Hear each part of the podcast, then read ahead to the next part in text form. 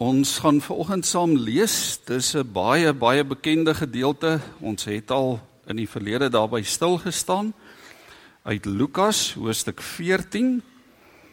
Uh ons gaan net 'n paar verse net letterlik net 3 verse daar uit lees, vers 25 en 26 en 27. Voordat ons saam gaan lees, buig ons ons hoofde so in gebed voor die Here. Here, U is ons koning. U is ewig en U is heilig en almagtig. Here, aan U behoort die heerlikheid en die eer en die krag en die grootheid en die almag.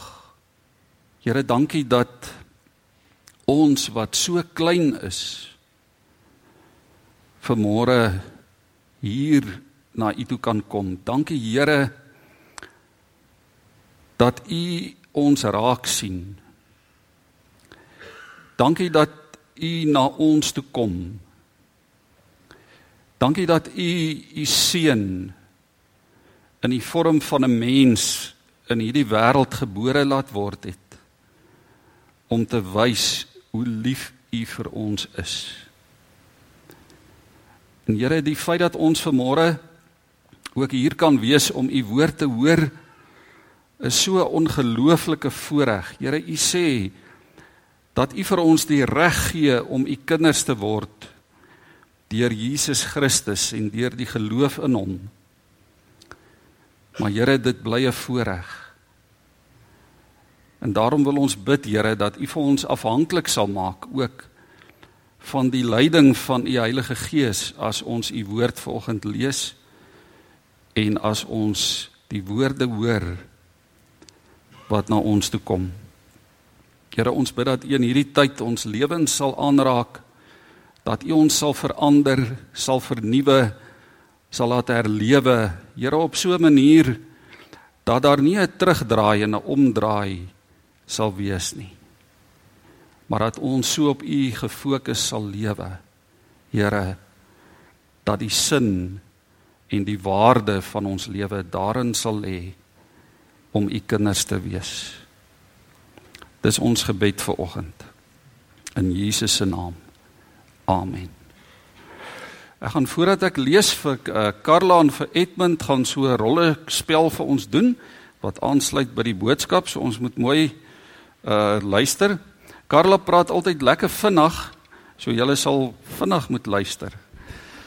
Dankie julle dat julle help vir ons. Kom ons luister. Ek hoor jy's 'n baie bekende parelhandelaar. Ek wil graag hierdie parel hê. Hoeveel gaan dit kos? Dit is regtig 'n baie groot bedrag. Presies hoeveel? Hmm. Ek is seker nie, Dink jy ek sal dit kan koop? maar natuurlik. Enigiemand kan dit koop. Het jy dan nie gesê dis baie duur nie? Ja, dit is beslis baie duur. Hoeveel sal ek moet betaal as ek dit wil koop? Wel, kom ons kyk. Hoeveel het jy? Ek het R20000 in die bank. OK, ek skryf 20000 op. Niks anders? Wel, dis al wat ek het. Is jy seker? Het jy regtig niks anders by jou nie? Ek het nog so 'n paar rand in my sak. R20, R18, nog 'n R20, R50 en R10 kleingeld. Dankie, dis goed. Wel, wat het jy nog?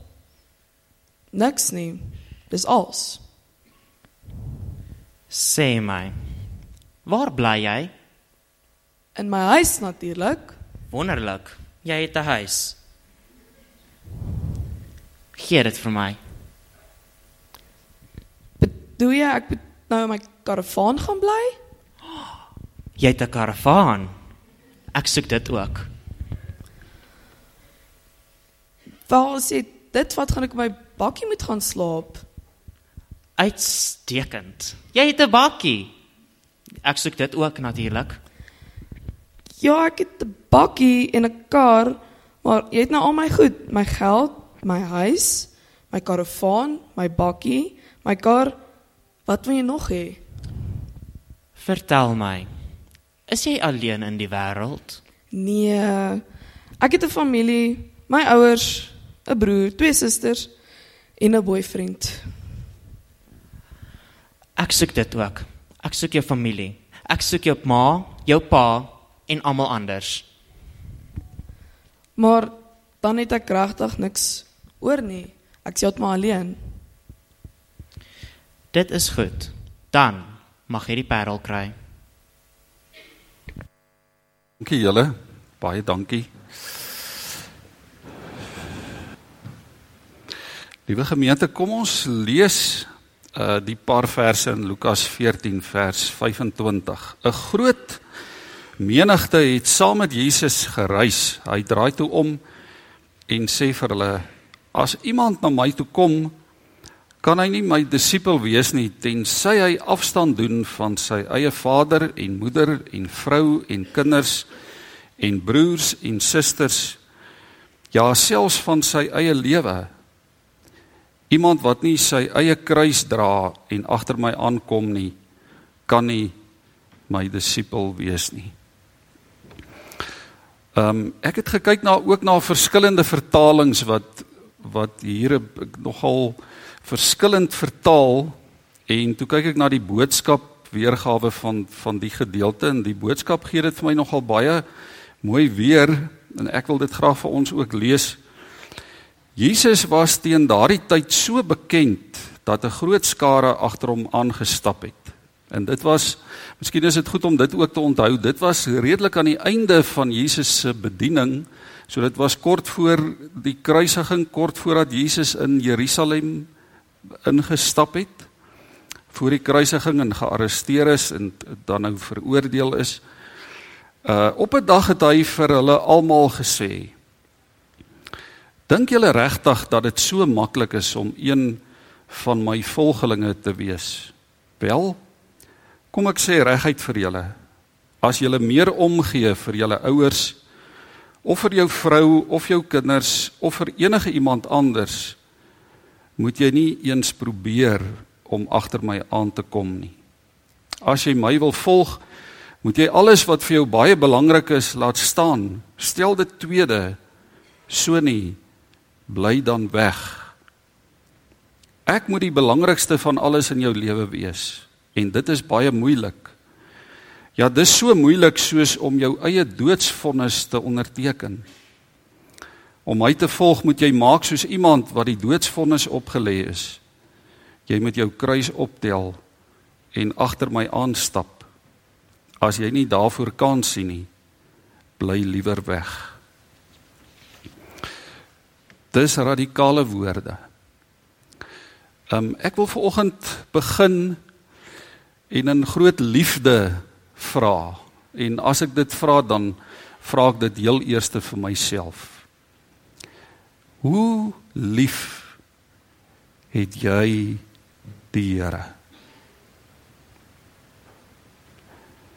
Hoe lief het jy die Here? Waar waar staan jy en ek in ons verhouding met God? Waar staan jy ver oggend in jou verhouding met die kruis van Jesus Christus? Weet jy ek ek weet die oomblik wanneer ons dit vra vir mekaar vra en daaroor dink dan dan maak dit ons vir een of ander rede ook ongemaklik. As 'n mens dit hoor dan dan voel dit vir jou soms of kan dit vir jou voel of iemand jou met 'n voorhamer tussen die oë slaan. Maar hoe lief het jy regtig die Here? Dis een ding Broers en susters om ver oggend in in hierdie kerkgebou te wees, maar dis heeltemal 'n ander ding om in Christus te wees. Dis een ding om by die kerk se deure in te stap en in die kerkbanke te kom sit, maar dis 'n ander ding om agter Jesus te wees, saam met Jesus en om regtig te volg met jou hele hart en met jou hele siel en met alles wat jy is en alles wat jy het. Wat beteken dit om om 'n radikale Christen 'n radikale gelowige te wees. Nie bloot net 'n erediens bywoner nie.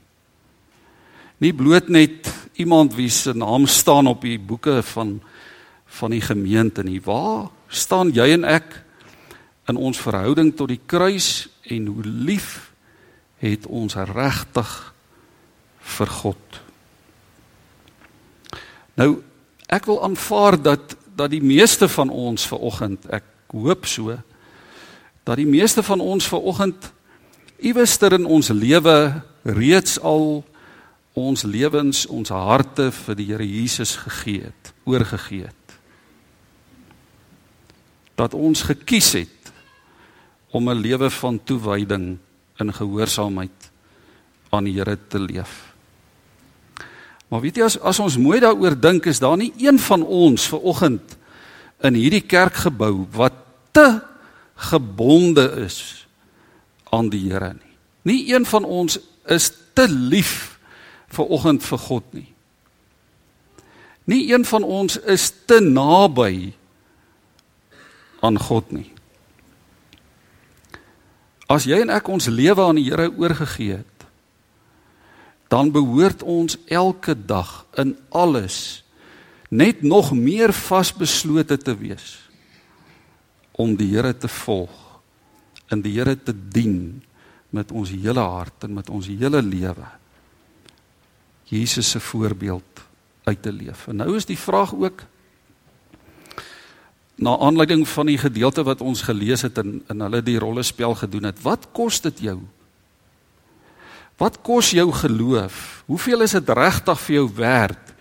Wat is die prys van disippelskap? 1 vers 25 lees ons groot menigtes het agter Jesus aangegaan.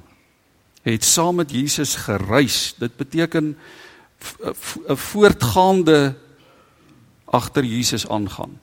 Saam met hom gereis van dag tot dag was hulle by hom, saam met hom op pad.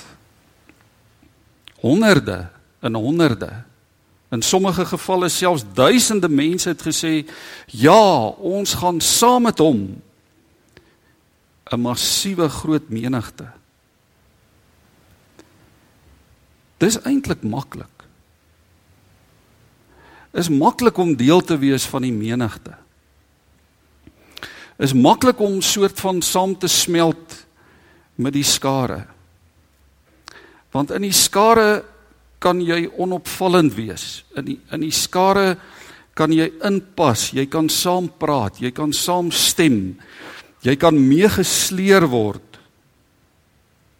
deur die opwinding sonder om regtig of noodwendig 'n eerlike persoonlike individuele keuse te maak vir die Here. En Jesus sien dit raak. Jesus sien hierdie menigte mentaliteit. Jesus sien hierdie hierdie bewegings mentaliteit. Mense wat deel word van hierdie beweging. Kom ons noem dit maar die Jesus beweging. En dat baie mense begin saamloop ter wille van die sensasie, ter wille van die opwinding. So hierdie menigte agter Jesus word soos 'n stroom wat mense meesleer. Die skare word al groter en groter. Hulle groei, hulle swel, hulle vermeerder. Later is dit asof hulle wil ontplof en hoe groter die menigte word, hoe groter dink die meeste is die sukses van die bediening.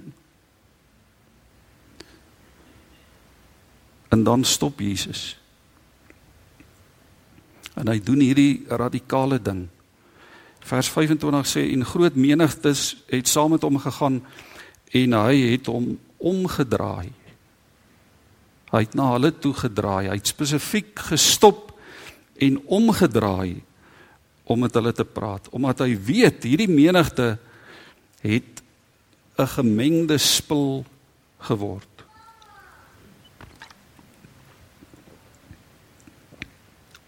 Selfs die 12 disippels was 'n gemengde spul. Daar was die onbekeerde Judas. Daar was die ongelowige Thomas. Daar was die fyngevoelige Johannes. Daar was die opvleende Petrus wat so gou kon kwaad word. Daar was in die skare min bekeerdes in in baie nuuskieriges. Baie wat maar net saamgekom het, wat maar net saam geloop het. Daar was baie naamvolgelinge. Nou nou draai Jesus om en hy hy lig sy hand op en hy sê: "Wag, wag eers. Wag eers 'n bietjie. Stop." En hy sif deur die menigte want hy weet hulle het te groot geword. Dis te maklik. Dis te maklik om op hierdie lawaai wa te klim. Dis te maklik om meegesleer te word deur hierdie beweging van van volg my.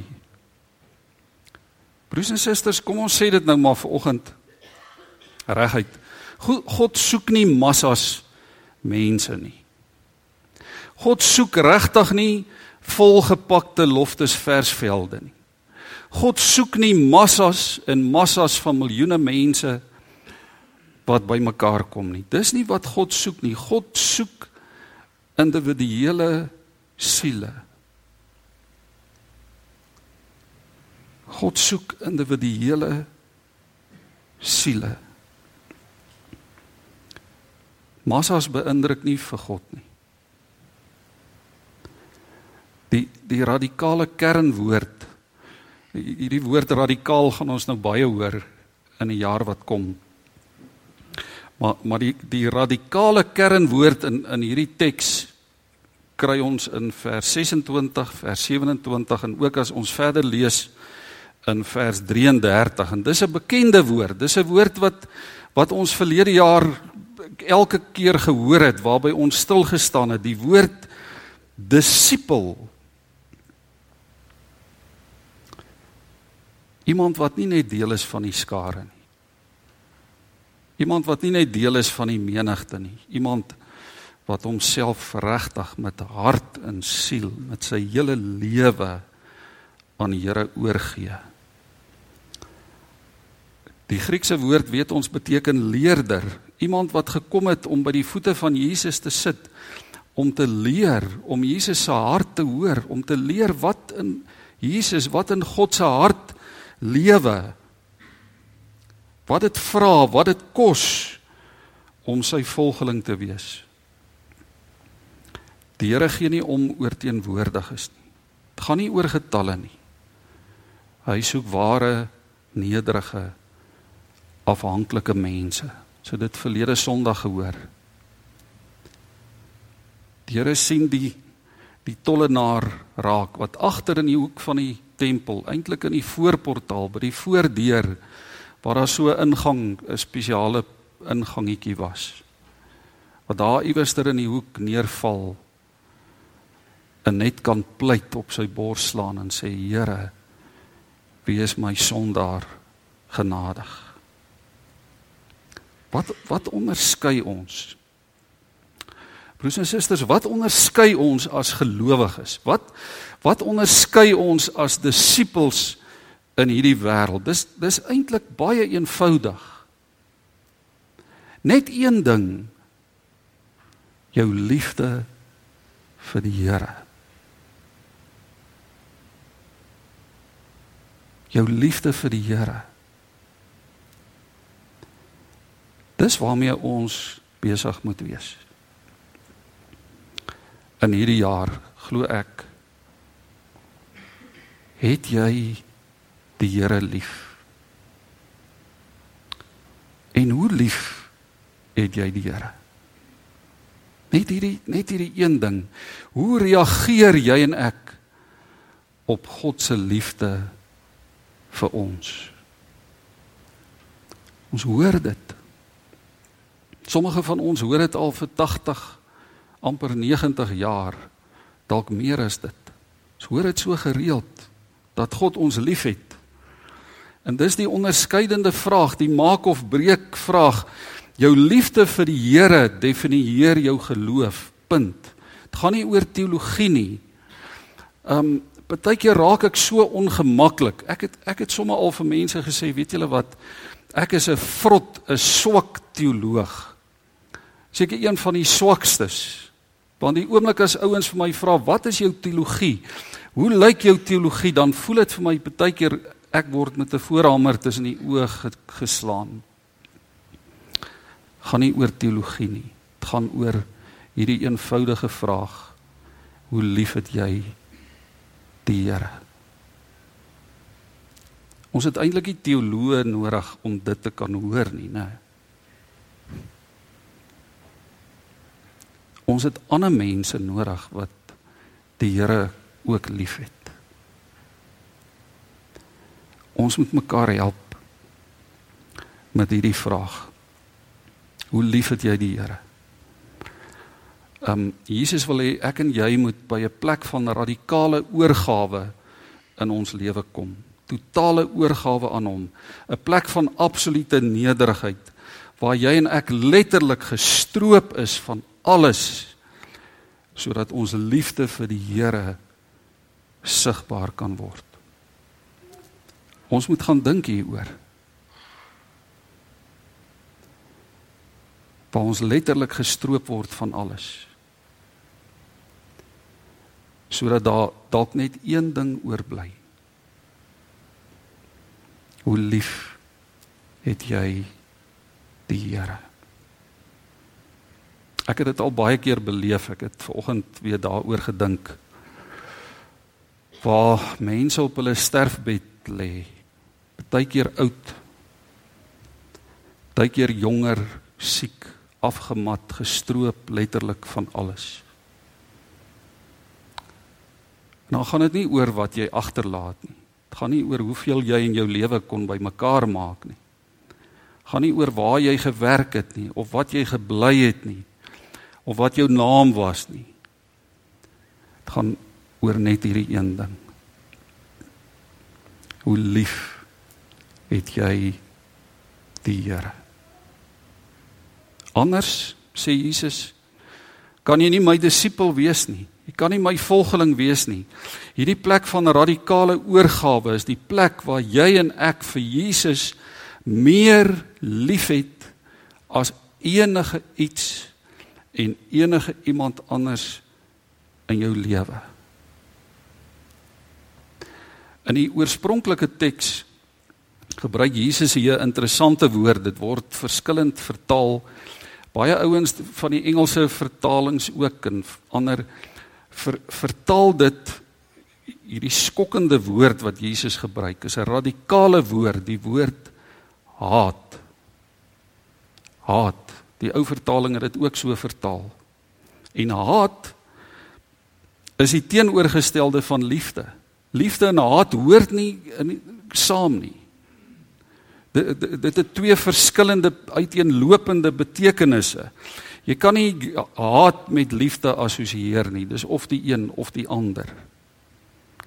En nou gebruik Jesus hierdie woord en jy sê en hy sê jy moet hom so lief hê dat dit lyk of jy alle ander mense en alle ander dinge en belange en verbintenisse in jou lewe haat.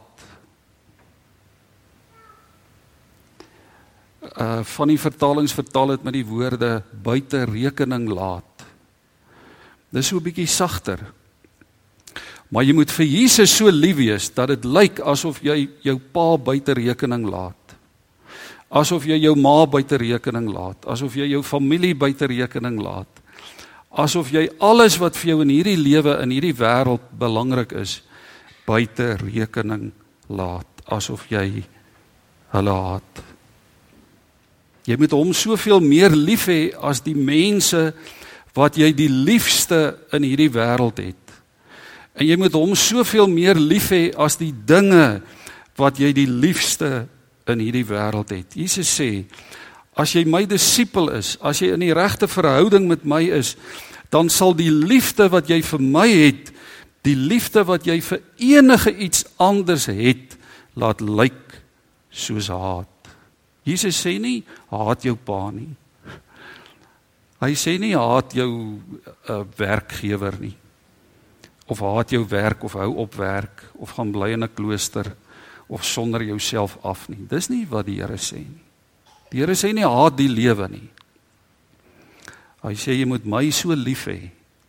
So radikaal lief hê, so absoluut toegewyd lief hê dat dit lyk of jy alle ander dinge haat. So radikaal is die keuse wat ons vir die Here moet maak. Dit het my sommige strand laat dink um aan 'n aan 'n Indeer vriendinnetjie wat ons dogter Marilei het in Johannesburg. Uh die vriendinnetjie werk saam met haar, is so kort Indeer meisietjie. Uh al hier by haar 30s. Uh werksaam daar in Johannesburg in 'n besige stad. Haar familie, sy kom uit 'n Hindoe agtergrond. So haar familie is almal Hindoes. Haar pa is 'n Hindoe, haar ma is 'n Hindoe. Haar broers en susters is Hindoes, haar neefs en niggies is Hindoes, haar oupas en oumas, haar hele familie is Hindoes, haar vriendekring is Hindoes. Maar sy het gekies, sy het Jesus aangeneem as haar persoonlike verlosser. Sy gaan elke Sondag kerk toe. Na die Rivers Church daar in Sandton, elke Sondag. Party Sondae in die oggend en in die middag. Sommige twee dienste woon sy by. Sy is een van die dienaresse in die kerk. Sy lewer diens in die kerk. Maar sy sê my mense weet dit nie. My pa weet dit nie, my ma weet dit nie, my broers en susters weet dit nie. Ek het nie vir hulle gesê ek is 'n Christen nie, want as ek vir hulle sê ek het my lewe vir Jesus gegee, ek is 'n Christen, dan verbreek hulle alle bande met my. Dan tel ek nie meer vir hulle nie. Maar ek het ek het hierdie keuse gemaak. Ek waag hierdie kans want ek weet iewers gaan dit uitkom. Iewers gaan dit uitkom. Haar liefde vir Jesus is groter as haar liefde vir haar ouers. Beteken nie dat sy haar ouers nie liefhet nie. Inteendeel. Daar's 'n hegte band. Maar sy het gekies om Jesus bo alles lief te hê. Weet jy, dit vra alles van ons. Dit vra ons verstand. Dit vra ons emosies. Dit vra ons wil om God die meeste lief te hê.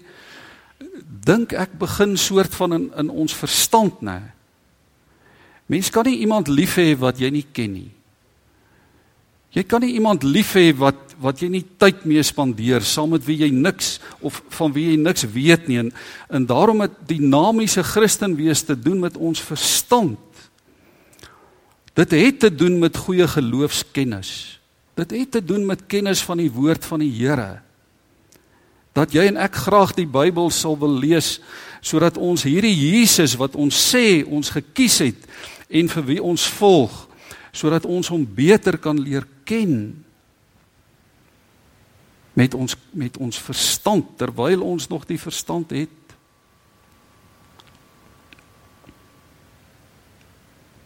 Liefde vir Jesus gebeur nooit in 'n in 'n lig leegte nie. Dit dis nie 'n siellose mistieke emosionele ervaring nie. Want daai emosies is môre weer anders. Dit gaan weer weg, dit verdwyn. Dan soek ons baie keer weer 'n nuwe emosionele ervaring sodat ek nou weer vir Jesus kan leer ken.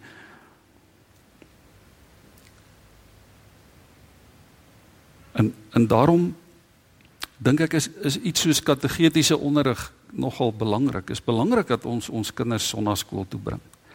Is belangrik dat ons die erediens bywoon waar ons waar ons van God leer waar ons saam lees uit sy woord waar ons hoor en leer wat Jesus vir ons gedoen het, hoe lief God vir ons is, sodat ons hom beter kan leer ken en meer toegewyd aan hom kan lewe.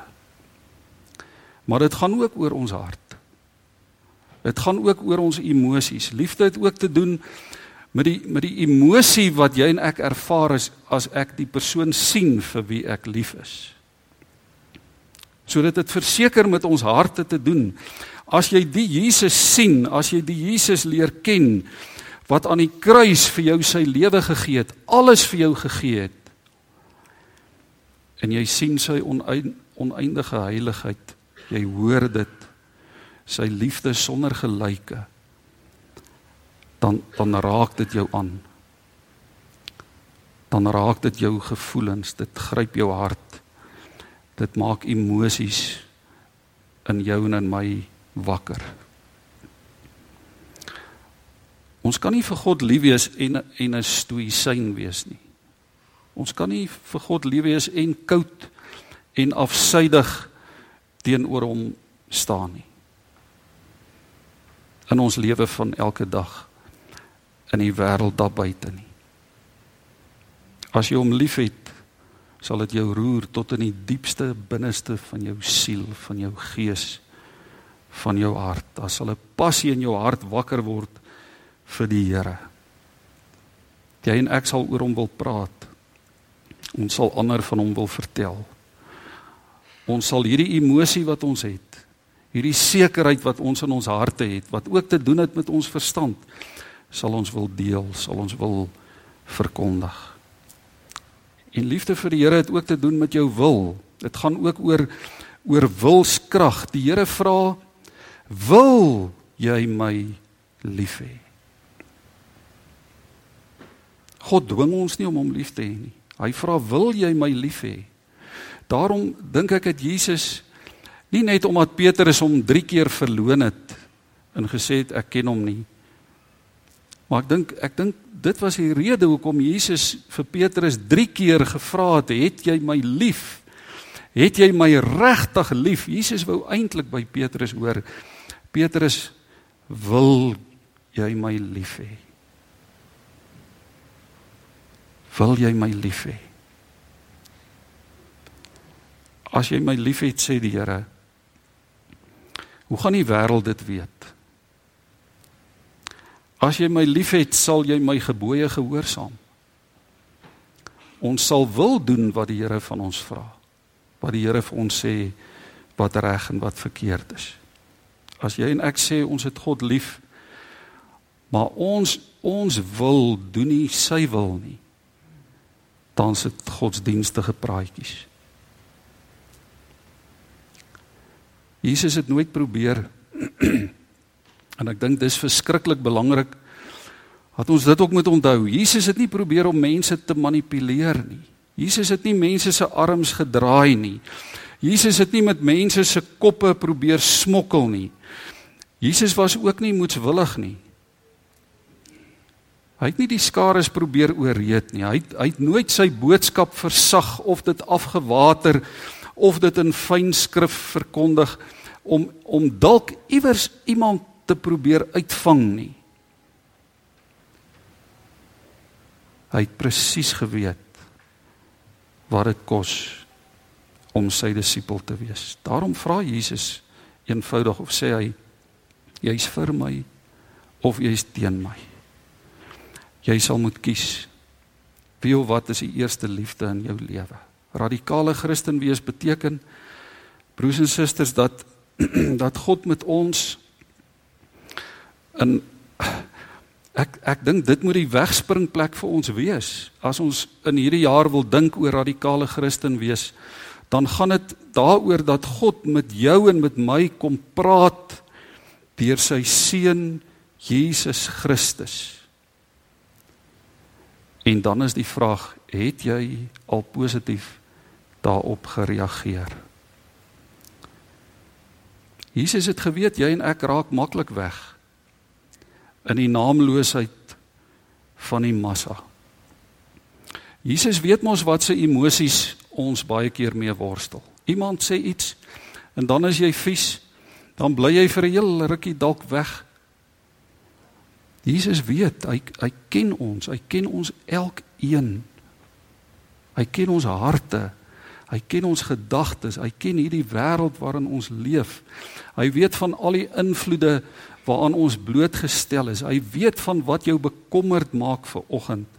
As daar iemand is wat nou regtig weet hoe droog dit is, dan is dit God. En hy vra nog steeds hierdie selfde vraag. Hoe lief het jy my? Hoe lief het jy vir God? Daarom draai hy vanoggend om na ons toe. En hy sê wag. Wag eers. Stop. Het jy my meer lief as wat jy jouself liefhet? Dink mooi. Anders kan jy nie my disipel wees nie. Amen.